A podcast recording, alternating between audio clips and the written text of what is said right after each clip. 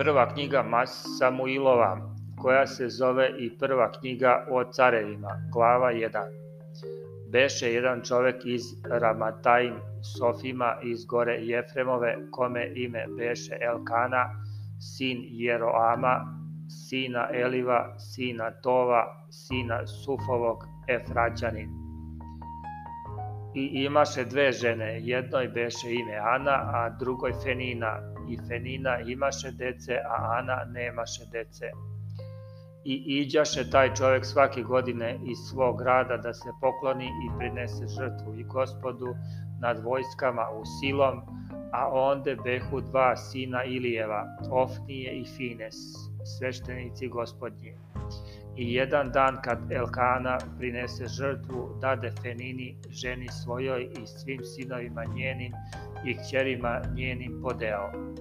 A Ani pak dade dva dela jer ljubljaše Anu, a njoj gospod beše zatvorio matericu. I protivnica je njena vrlo cveljaše prkoseći joj što joj gospod beše zatvorio matericu. Tako činjaše Elkana svake godine i Ana hođaše u dom gospodnji, a ona je cveljaše te plakaše i ne jeđaše.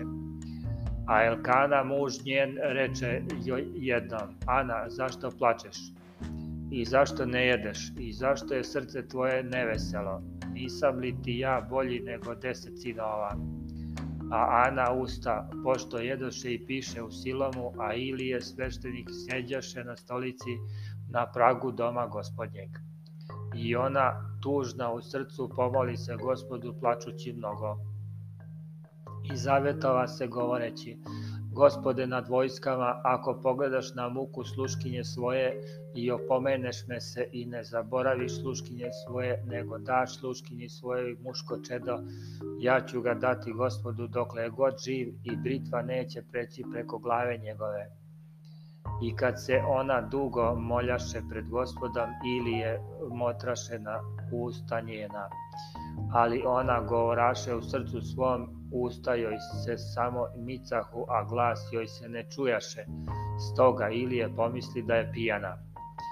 Pa joj reče Ilije, dokle ćeš biti pijana, otrezni se od vina svog. Ali Jana odgovori i reče, nisam pijana gospodaru, nego sam žena tužna u srcu, nisam pila vina ni silovitog pića, nego izlivam dušu svoju pred gospodom. Nema jednačiti sluškinje svoje s nevaljalom ženom, jer sam od velike tuge i žalosti svoje govorila do sad.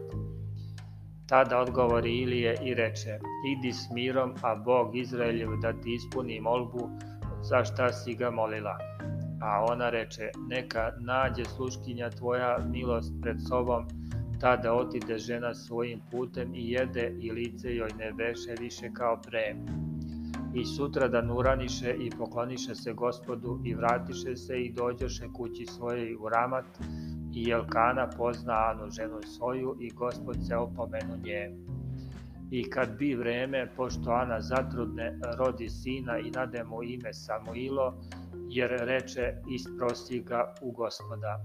Potom pođe onaj čovek Elkana sa svim domom svojim da prinese gospodu godišnju žrtvu i zavet svoj. Ali Ana ne pođe jer reče mužu svom, dokle odojim dete, onda ću ga odvesti da izađe pred gospoda i ostane onde do veka. I reče joj Elkana, muž njen, čini kako ti je drago, ostani dokle god ne odojiš, samo da hoće gospod ispuniti reč svoju, i tako žena osta i dojaše sina svog dokle ga ne odoji. A kad ga odoji, odvede ga sa sobom, uzevši tri teleta i efu brašna i meh vina, i uvede ga u dom gospodnji u Silomu, a dete beše još malo i zaklaše tele i dovedoše dete Kiliju i ona reče, čuj gospodaru, kako je živa duša tvoja gospodaru, ja sam ona žena koja je stajala ovde kad tebe moleći se gospodu. Molih se za ovo dete i ispuni mi gospod molbu moju, zašta sam ga molila. Zato i ja dajem njega gospodu dokle je god živ da je dat gospodu i pokloniše se onde gospodu.